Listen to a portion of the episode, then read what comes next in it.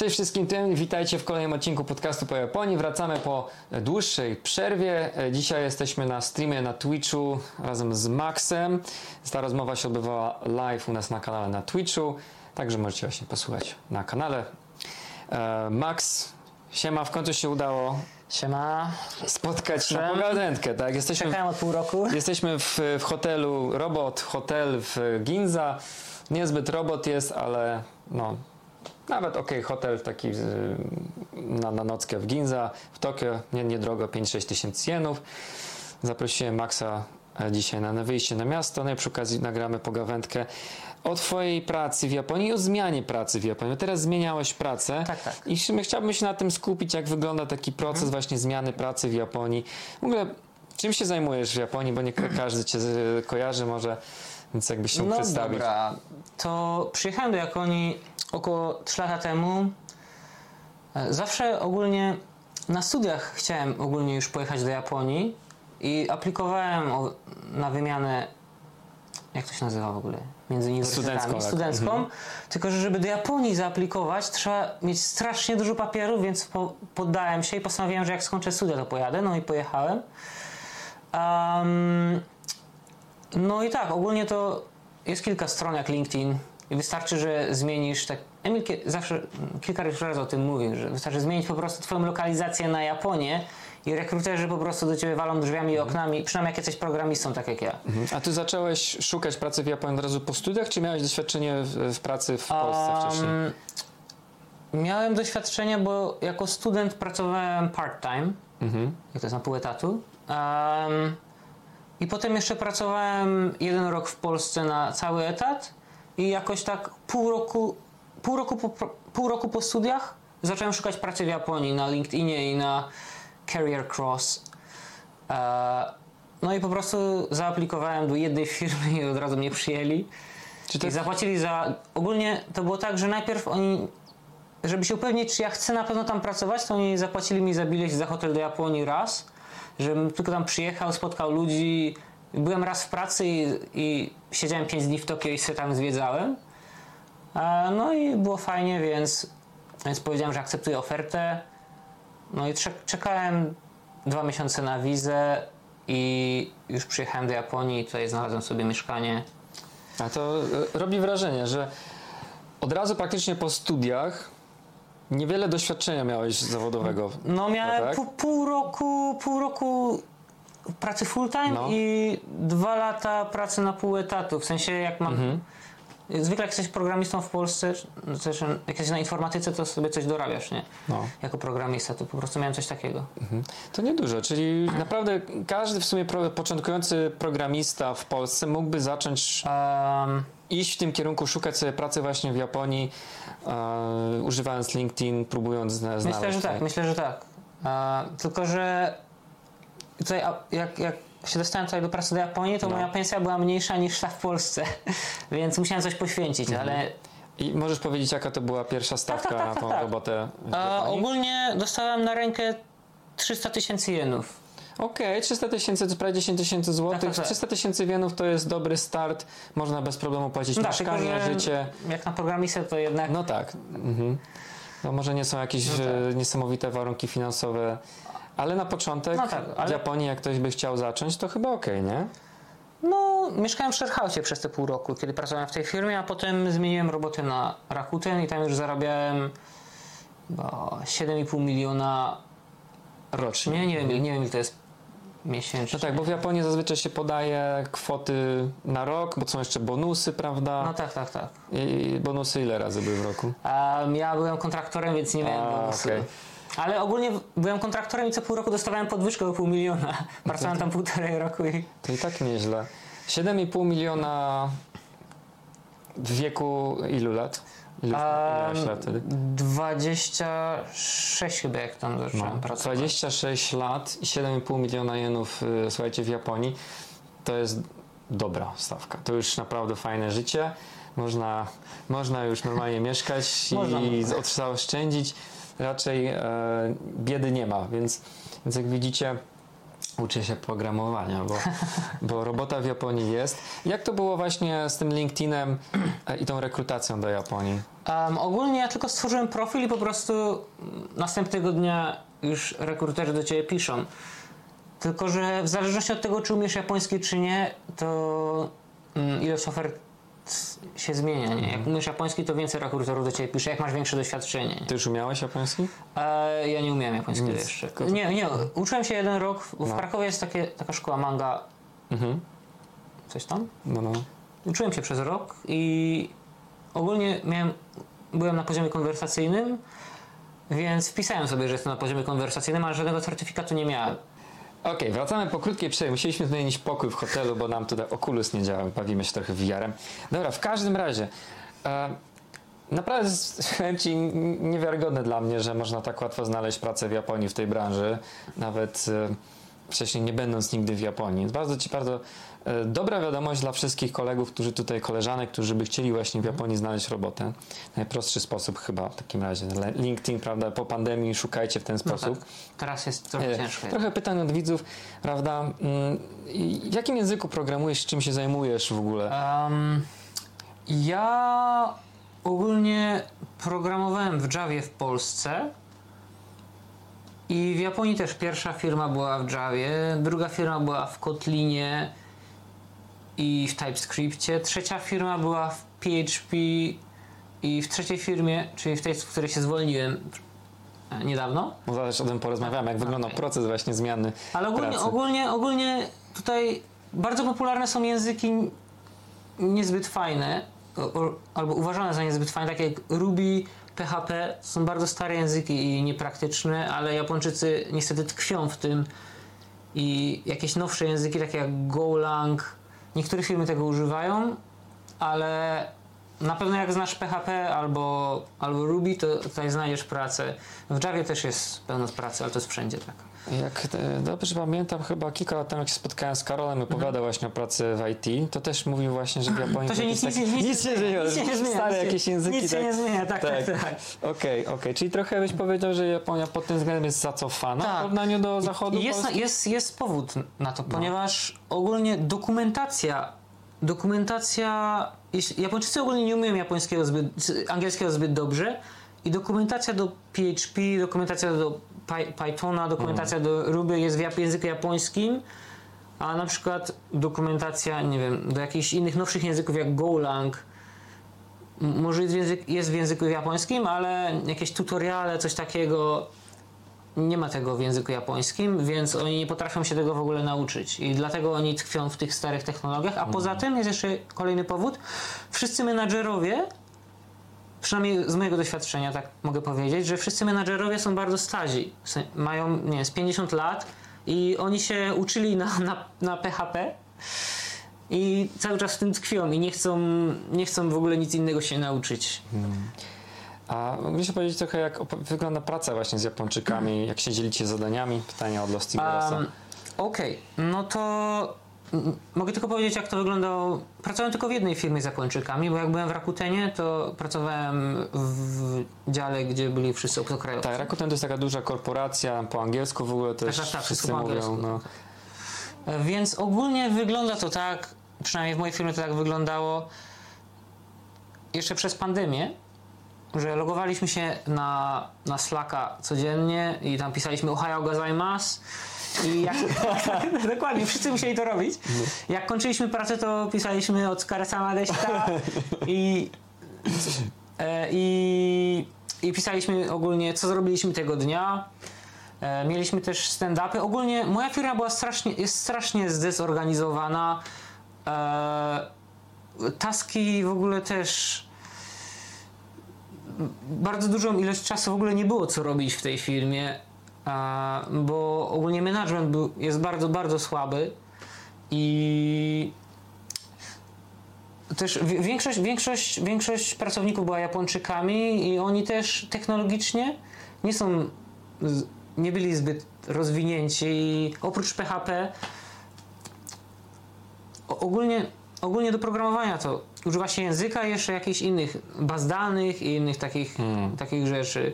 I oni nie, potrafili przeczytać dokumentacji po angielsku do tych baz danych i po prostu używali ich w zły sposób, potem narzekali, że nie działają i ostatecznie było tak, że próbowali, próbowali różnych innych technologii, ale wrócili do PHP i, i MySQL-a.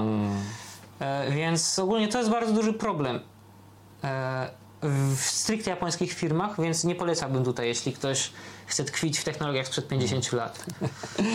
A jak, jakbyś mógł powiedzieć, w jaki sposób e, w pracy wynagradzają, motywują tych, którzy pracują lepiej, gorzej? A w mojej firmie były bonusy, tylko że trzeba pracować co najmniej rok, a ja się zwolniłem dokładnie jak rok minął. E, Do, do, dostałem 50, tyś- 50 manów bonusu na, na koniec. Mhm. Ale ogólnie to w mojej firmie nie, są bonusy co roku i, i tyle, ale to jak cię wynagradzają zależy od tego, jak uda ci się przekonać twojego menadżera na rozmowie kwartalnej, że, że coś robisz. Bo możesz nic nie robić i możesz mieć dobrą gadkę i przekonać swojego menadżera, że, że jednak coś robisz i wtedy dostajesz bonus. Przynajmniej tak było w mojej firmie. Nie wiem jak to jest w innych firmach, pracowałem tylko w jednej japońskiej. E, Teraz ostatnio pracowałeś w firmie, e, która zajmowała się dostawami jedzenia w Japonii. Konkurencja Uber Eats. Tak. I jak, e, jak ci się pracowało w takiej firmie właśnie w trakcie e, pandemii tutaj w Japonii? Jak to wyglądało? Um, ogólnie to cały czas wszystko było remotely. Um, porozumiewaliśmy się przez Slacka, mieliśmy meetingi czasem przez Zooma. Wy- Wydaje mi się, że wygląda tak jak w każdej innej firmie. I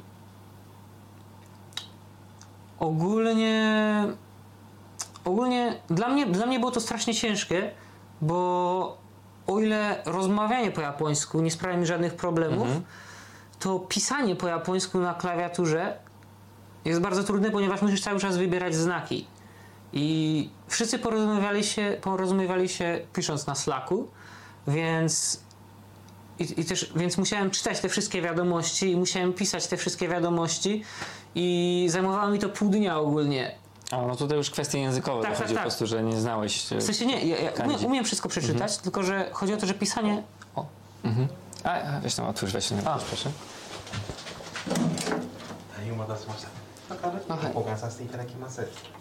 Ale to za mało.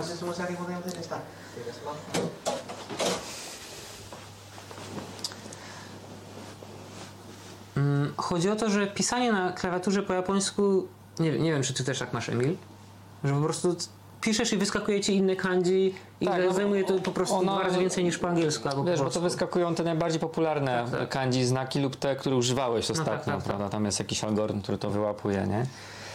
Wiesz, mm, jeszcze jest taki problem, że, że w branży IT w Japonii używa się ogólnie angielskiego zjaponizowanego. Czyli piszesz po angielsku w katakanie. Mm. I to też nie jest takie proste, bo jak nie jesteś Japończykiem, to nie wiesz, gdzie wsadzić długi dźwięk, A, a nie wiem, trochę... gdzie wsadzić krótki dźwięk i potem ludzie się nie rozumieją. Musisz to sprawdzić w słowniku. No tak, no to, to trochę kwestii językowych, No tak, tak, Jakiś tak. język specjalistyczny, który mógł być trochę kłopotliwy na początku. tak. Ale jakbym, jakby nie było pandemii, to wtedy po prostu bym rozmawiał z ludźmi wszystko rozumiał. Jak myślisz, czy bardzo się zmieniła praca w Japonii e, w trakcie pandemii właśnie? Em, myślę, że... Remote work, te tak, sprawy? tak. Myślę, że... Bo wcześniej to było nie bardzo tak, tak. mile widziane w Japonii, nie? Tak, wcześniej cały czas pracowałem w biurze i, miałem, miałem flexible work time, czyli sobie mogłem przyjść na 11 albo na pierwszą, albo na dziewiątą. Em, ale faktycznie, e, kiedy zaczęła się pandemia, nie tylko ja, ale też wszyscy moi japońscy znajomi i obcokrajowcy znajomi, wszyscy przestawili się na, na pracę zdalną i, i już tak zostało do, do teraz.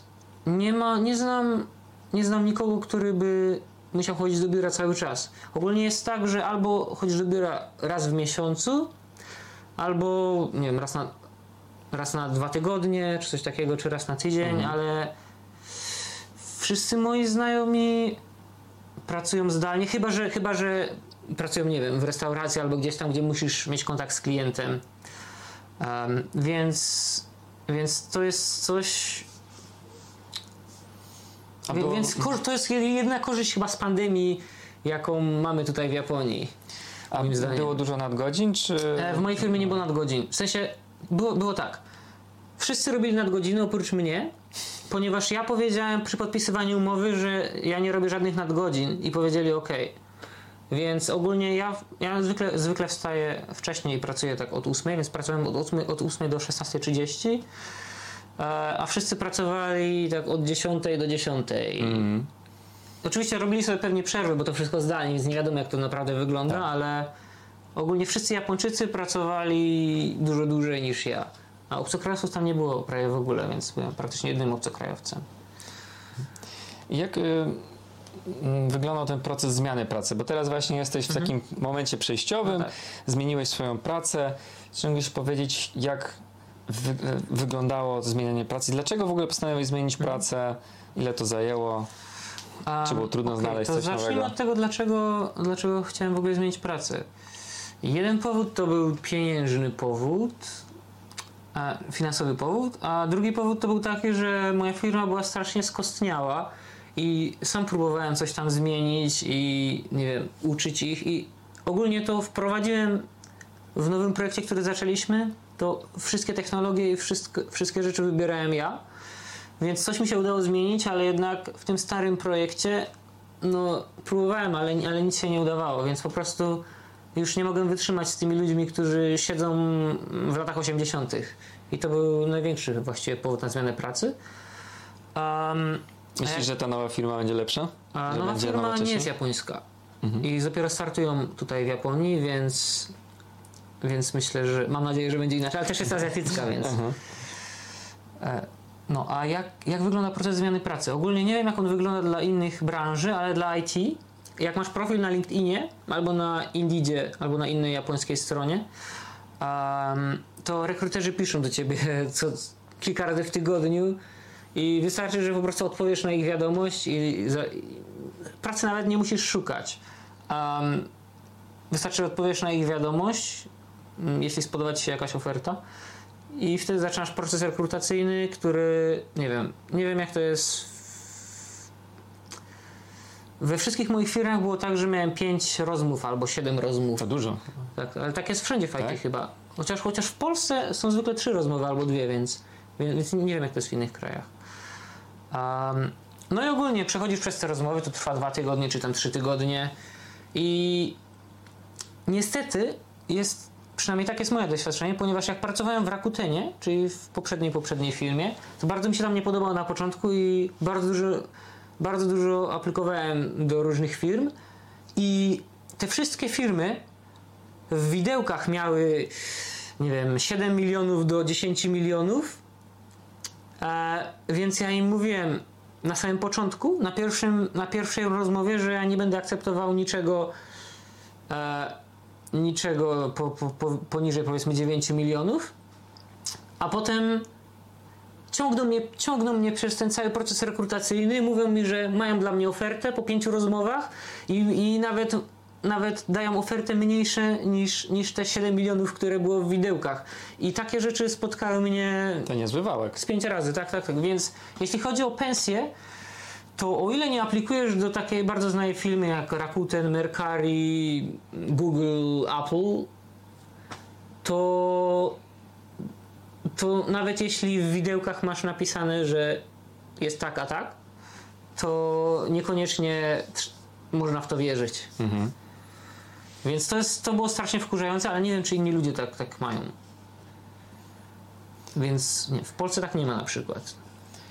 Jak myślisz, czy mm, jest wciąż duże zapotrzebowanie na zagranicznych specjalistów w Japonii? A, Także właśnie tutaj w trakcie pandemii no, nikt nie mógł przyjechać, teraz powoli się Japonia otwiera, wkrótce będą, e, będzie można przyjechać do pracy, już mają wydawać wizy od, początku, od połowy gdzieś tak listopada do pracy, jeszcze nie turystyka, jeszcze turystyka nie rusza, e, ale no, mm, teraz będą w końcu mogli na biznesowych, no tak. tych pracowniczych wizach pewnie przyjeżdżać wkrótce. Ciekawe, co się zmieni. Mm, Ja myślę, sądząc po tym, że dostaję każdego tygodnia z pięć wiadomości na LinkedInie i że cały czas jest pełno ofert na LinkedInie, myślę, że zapotrzebowanie na zagranicznych specjalistów jest bardzo duże i szczeg- szczególnie jak mieszkacie już w Japonii i możecie i firma nie musi cię sprowadzać, bo, bo żeby cię sprowadzić, firma musi czekać 3 miesiące, 4 miesiące, żeby wyrobić wizę, żeby nie, musicie kupić bilet, musi to wszystko, wszystko załatwić, Tak. więc jak już jesteś w Japonii, to myślę, że myślę, że jest sporo łatwiej i ilość firm, do których możesz zaaplikować się zwiększa, bo nie każda firma chce się w ten proces No angażować. tak, to tylko pewnie większe firmy, które tak, mają tak, zasoby, tak. będą ściągać ludzi z zagranicy. Tak. No ale to wiesz, no, dla większości widzów to chodzi o to, żeby się dostać i potem już tak. sobie będą szukać. Po Ale jak już jesteś w Japonii, to, to nie, ma, nie ma problemu z tym. Tylko, że pensje w Polsce i ogólnie w Europie w IT są wyższe niż w Japonii. Jak jesteś doświadczonym już. A jak przebiegają takie rozmowy kwalifikacyjne? E, Czy to mm, jest dużo tech, tech, takiej technicznej gadki, czy... Okej, to jest ciekawe, ponieważ zwykle w IT jest dużo, dużo technicalities, to dużo technicznej gadki właśnie. Masz e, jakieś mm, testy z programowania, masz jakieś testy z e, system design. To tak jest w zagranicznych firmach, ale we wszystkich firmach japońskich, do których aplikowałem, gdzie, gdzie wymagany był język japoński, rekrutacja była po japońsku, nie było nic takiego. Po prostu e, mówiłeś, po prostu była zwykła rozmowa taka, czym się zajmowałeś w przeszłości i co chciałbyś robić w tej firmie. E, za każdym razem trzeba było przeczytać najpierw przed, przed, przed rozmową, czym się ta firma zajmuje i oni ci zadawali jakieś pytania. W ogóle nawet jak nie jesteś zainteresowany tą firmą, to musisz nie wiem, uda- udawać, że, że ona jest super i nigdy nie było żadnego, żadnego, nie sprawdzali twojej wiedzy technicznej ogólnie. Ale w każdej zagranicznej firmie, albo takiej, która, takiej jak Rakuten, czyli takiej dużej, która zatrudnia dużo obcokrajowców, to zawsze, zawsze sprawdzają twoją wiedzę techniczną. Więc jak się dostajesz do japońskiej firmy, nawet ta pierwsza firma, do której aplikowałem z Polski, ona była. Tam się rozmawiała po, japońsku, po, po, po, angielsku, ale szef był japoński, to była mała firma i, i tam też nie było żadnych testów, więc ja zawsze jestem zdziwiony, że nie sprawdzają twojej wiedzy technicznej. Więc, więc jak. No, ja wolę, jak jednak są testy, bo jak nie ma testów, to do tej firmy dostają się ludzie o kwalifikacjach wątpliwych.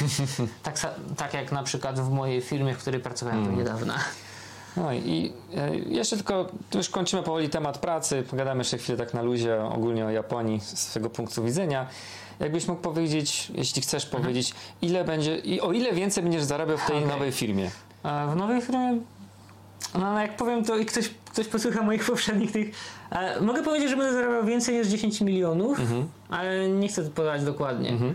Tylko trzeba jeszcze wziąć pod uwagę, że trzeba jeszcze wziąć pod uwagę, że od tego trzeba odliczyć podatki i są progi podatkowe w Japonii. Jak zarabiasz więcej niż 9 i coś tam milionów, to się podatki zwiększają i potem Tak. cały czas No, podatki zwiększają. to firma od razu rozlicza za Tak, ciebie, tak, tak, więc ty tak. dostajesz od razu na konto już wszystko po podatkach, Tak, tak, prawda? tak. Już po, po japońskim ZUS-ie, ubezpieczenie zdrowotne dostajesz od razu na konto, nie? Tak. A o ile więcej to jest niż w poprzedniej firmie? Nie, Nie, nie, chcesz tego mi powiedzieć, Okej, nie chcę tego powiedzieć. okej. Ale jest skok. Jest skok znaczny. Okej, okej, no to najważniejsze. Jest taki skok, że porównywalny do pensji w Europie, Mhm. więc, więc jeśli bym wracał z Japonii gdzieś indziej, na przykład do Polski, to nie, nie byłoby to z powodów finansowych w tej chwili. Tak. No, więc mniej więcej już wiecie, jakie są zarobki w Japonii w IT. Um, z doświadczeniem kilkuletnim, prawda? Tego się możecie No ja mam spodziewać. 6-7 lat doświadczenia. Już 6-7 lat doświadczenia masz. No.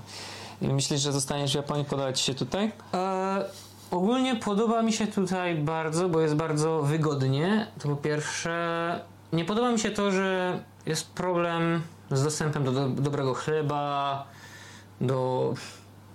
Czasem po prostu chce się zjeść polskie jedzenie albo coś, coś europejskiego, co jest po prostu prawdziwe, a nie, nie, nie fejkowe. I z tym jest problem, ale ogólnie życie w Japonii, w Japonii jest bardzo przyjemne, jeśli masz wystarczającą ilość gotówki. E, ale praca w korpo japońskim jest o tyle. Pro... No, praca ogólnie w Japonii jest o tyle problematyczna, że jest zwykle 10 dni urlopu, może 15, jak masz farta. Ty ile miałeś? E, w Rakutenie miałem 26. No tam dobrze dają. W Dało się Japonii- wziąć? Tak, wszystko, wszystko. Tak? Wszystko, wszystko ogólnie, tak. No, no co miesiąc zbierałem. Hmm. Jest firma AXA, to jest ubezpieczenia firma, to jest wszędzie. Oni też tam mają 20 kilka dni urlopu, znajomą tam mam, ale większość firm ma 10 dni urlopu na cały rok, więc to jest bardzo problematyczne. I nie możesz tego wziąć, w sensie wzięcie dwóch tygodni, dwóch tygodni czyli tych wszystkich 9 dni naraz. Jak nie jesteś obcokrajowcem, to jest problematyczne. Jak jesteś obcokrajowcem, to nie wiedzą, że musisz wracać do domu albo coś tam. Więc, więc nie ma problemu z tym. Ale wzięcie na przykład jakbyś miał 20 dni urlopu cudem jakimś a, i wzięcie tego wszystkiego naraz nie, nie jest za bardzo możliwe. Też niemile widziane pewnie. Tak, tak, no jest na pewno niemile widziane. Ale, ale w Rakutenie nie ma z tym problemu. Na, nawet jak masz 20 dni urlopu, czy tam 26 i bierzesz sobie 20 dni pod rząd, nie nie ma z tym żadnego problemu w Rakutenie. Tak. Czyli zostajesz jeszcze w Japonii? A no dwa lata zostaje na pewno. Na pewno, bo to kontrakt podpisany, tak? Tak, tak, tak. No. A potem zobaczymy. Zobaczymy, jak się będzie żyło, to Tak, ogólnie w tej chwili przez pandemię to lepiej być w Japonii niż gdziekolwiek indziej, Mhm. prawdę powiedziawszy. Nie? okej. No, a po, jeździłeś trochę po Japonii? Tak, em, tylko że ja przyjechałem do Japonii rok przed tym, jak się zaczęła Mhm. pandemia, więc jeździłem wtedy, a potem w czasie pandemii to No byłem, tak. tylko, byłem tylko na Okinawie dwa razy. I, ale tak to byłem. W Hokkaido, w Kyoto, w, w, w Osace, w, w, na Okinawie i w, w innych prefekturach, których już nie będę wymieniał. Mhm. Ale tak, tak, tak. I ogólnie Japonia poza Tokio jest bardzo piękna, według mnie. Bo ja, ja preferuję naturę. I ogólnie japońskie jedzenie też jest bardzo dobre, tylko że żeby zjeść coś dobrego japońskiego, musisz zapłacić dużo pieniędzy. Łasiokunie. To, No to, to, to, nie, to nie kosztuje tyle, ile burger. No nie. No nie. A, tak. Um, I poleciłbyś Japonię kolegom z branży? Um, jeśli chcesz, jeśli lubisz Japonię, to zdecydowanie przyjedź tutaj, ale jeśli chcesz po prostu zarabiać pieniądze albo po prostu po prostu Robić chcesz karierę? czy tak, robić Mhm. karierę albo gdzieś się przeprowadzić, wyprowadzić z Polski, ale nie wiesz jeszcze gdzie, ale nie czujesz, że, że na przykład bardzo lubisz Japonię, nie, nie, nie kurczę, mówię po polsku prawie trochę problemów, e, no to wtedy nie, ponieważ tutaj pensje są mniejsze niż nawet w Polsce. W Polsce możesz dostać 30 tysięcy miesięcznie złotych, a w Japonii dostanie tylu pieniędzy, to musisz już być menadżerem. No to ciekawe. w Polsce możesz zrobić W więcej. sensie, niż jak, w. IT, w IT, no, w no, IT. no. no. no. Bo ogólnie w IT jest tak w Japonii, że pensje nie są wyższe niż w innych e, w innych mm, dzie- dziedzinach. Mhm. Ogólnie zarabiasz ze względu na przykład na, na swoje doświadczenie chyba właściwie. Jak jesteś menadżerem, no to w Japonii zarabiasz chyba więcej niż w Polsce, bo menadżerowie są bardzo dobrze płatni w Japonii. Ale jak jesteś zwykłym wiem, programistą, to będziesz więcej zarabiał w Polsce, ponieważ tutaj wszystko zależy raczej od twojego wieku, od Stażu może tak, w stażu firmie pracy, też. Mhm. stażu w firmie też. Jednej. E, więc, więc nie jest tak różowo. Przynajmniej według mojego doświadczenia i z tego, co słyszałem od znajomych. Okej. Też tak na koniec, co ci irytuje w Japonii, co lubisz w Japonii? Okej, co mnie irytuje w Japonii? Irytują mnie tacy ochroniarze, jak dzisiaj spotkaliśmy. się czepiają czegoś bez powodu. Tak, ale ogólnie, ogólnie w Japonii nie ma zbyt wielu irytujących rzeczy jak dla mnie. A co lubię w Japonii? A, jest jedna rzecz tylko irytująca. To, że Japończycy bardzo przestrzegają reguł. I jak pisze, że czegoś nie wolno zrobić, nawet jeśli to jest głupie, to oni tego nie robią. Ale jest jeszcze. Okej, jest kolejna rzecz. To mnie nie irytuje, ale ja się z tego zawsze śmieję, że w Japonii trzeba 10 ludzi do wkręcenia żarówki po prostu. Na przykład jak, jak em, remontują drogę, to potrzeba do tego w Polsce na przykład trzech ludzi, a w Japonii trzeba 15, ponieważ oni stoją na tej drodze i się gapią. Pilnują prostu pilnują- bezpieczeństwa tak, i pilnują bez, ogólnie tak, pilnują bezpieczeństwa i to jest bardzo No, zabawne. to jest jakaś japońska logika, wiesz, lepiej zabezpieczyć plac budowy, niż żeby ktoś sobie zrobił krzywdę i cię podał do sądu. No tak, tak, tak. Może, może tak. No, Ale przez to koszty znacznie wzrastają. Jak musisz koszty pracy są wysokie w Tak, tak, Japonii tak. we wszystkim. Tak, a co lubię w Japonii? No wszystko, no przyroda jest piękna, em, jedzenie jest bardzo dobre, szczególnie to japońskie. Em, Japończycy też są bardzo mili, tylko że żeby znaleźć sobie japońskich znajomych, to dla mnie to było niewykonalne praktycznie. W sensie, jeśli chodzi o Japonki, to nie ma problemu z tym żadnych, ale jeśli chodzi o facetów, to ja nie mam żadnego, żadnego znajomego Japończyka, który jest facetem. Czas- Czasem się z kimś tam widuję, ale zwykle po, po dwóch spotkaniach ten, Ten kontakt. kontakt się urywa Mhm. po prostu. E, Więc nie wiem, czy to tylko ja. Nie wiem, czy to ja. Ja też nie mam dużo kumpli, ja mam tylko tak tak naprawdę jednego dobrego kumpla Japończyka. Ja nie, nie mam żadnych Japończyków. I ym, w Japonii to jest tak, że z przyjaźniami, że przez kluby jakieś sportowe, przez jakieś kółka zainteresowań lub przez firmę są. I tak, jak w firmach zawsze- masz kumpli, tak. tak. ale jak zmienisz firmę, to już Tak, tak, tak. koniec, praktycznie znajomości. Ogólnie w prawda? firmach zawsze są kluby sportowe albo jakieś tam. W każdej firmie takie coś było. No tak, ale zmienisz firmę, Tak, to już tak. się urywa kontakt prawie, mam wrażenie. I jakoś tak właśnie przez to jest ciężko tutaj z tych znajomych. Tak, Y, Kółeczka sportowe, jakieś takie, są takie na przykład kluby mm, International Running Club, coś takiego, kluby dla biegaczy, ja tam chodziłem. Tam przychodzili Japończycy i obcokrajowcy i tam faktycznie jak wszedłeś w takie community, to miałeś jakiś kumpli, znajomych, tam jakieś były byłeś przyjaźnie. przez Jak- Japończyków traktowany tak jak... Tak, fajnie, tak, no fajnie tam wiesz, wszyscy byli, e, bo to było, wiesz, tam dużo obcokrajowców Mhm. było w tym takim klubie sportowym, Mm, każdy mógł tam przyjść i faktycznie były to znajomości całkiem mm, fajne, ale to też no tylko na czas Tak, tego, jak tak, tak, jesteś w tak, kółeczku. do- dokładnie. I jak z tego wyszedłem, już przestałem tam chodzić, no to praktycznie z tymi ludźmi już kontaktu, no właściwie nie ma, już tak, nie tak, istnieje dla nich, prawda? Ogól, Znikasz. ogólnie w Japonii jest tak, że jest bardzo łatwo, chyba jak jesteś obcokrajowcem przynajmniej, to bardzo łatwo jest zagadać do człowieka. Na przykład idziesz do baru, po prostu nawet oni sami do ciebie zagadują, No. oni są ciekawi, ale nie, nie jest tak, że możesz tam znaleźć znajomych po prostu. Oni są, oni tam tylko przychodzą się napić i pogadać z, z W te przyjaźni w Japonii trzeba, wydaje mi się, więcej włożyć wysiłku, Dużo czasu, więcej.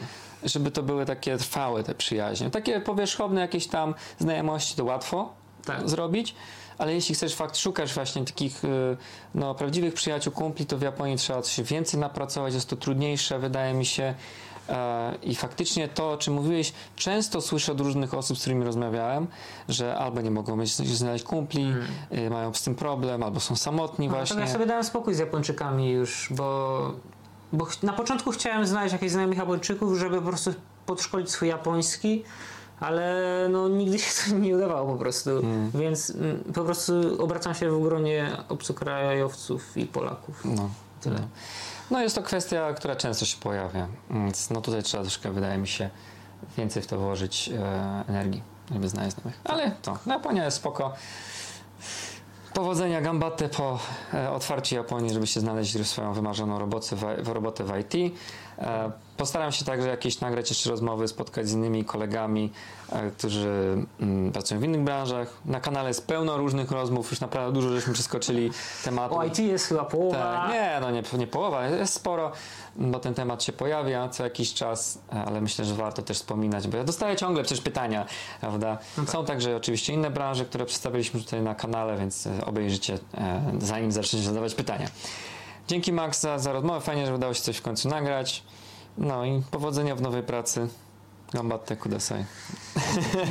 Będziemy obserwować i Maxa możecie sp- spotkać y, na streamach, na Twitchu, bo często się pojawia i wtedy możecie też zadać jakieś jeszcze pytania lub zapraszamy do komentarzy. No tak, będę starał się odpowiedzieć, jeśli będą jakieś pytania. Tak. Dzięki za rozmowę.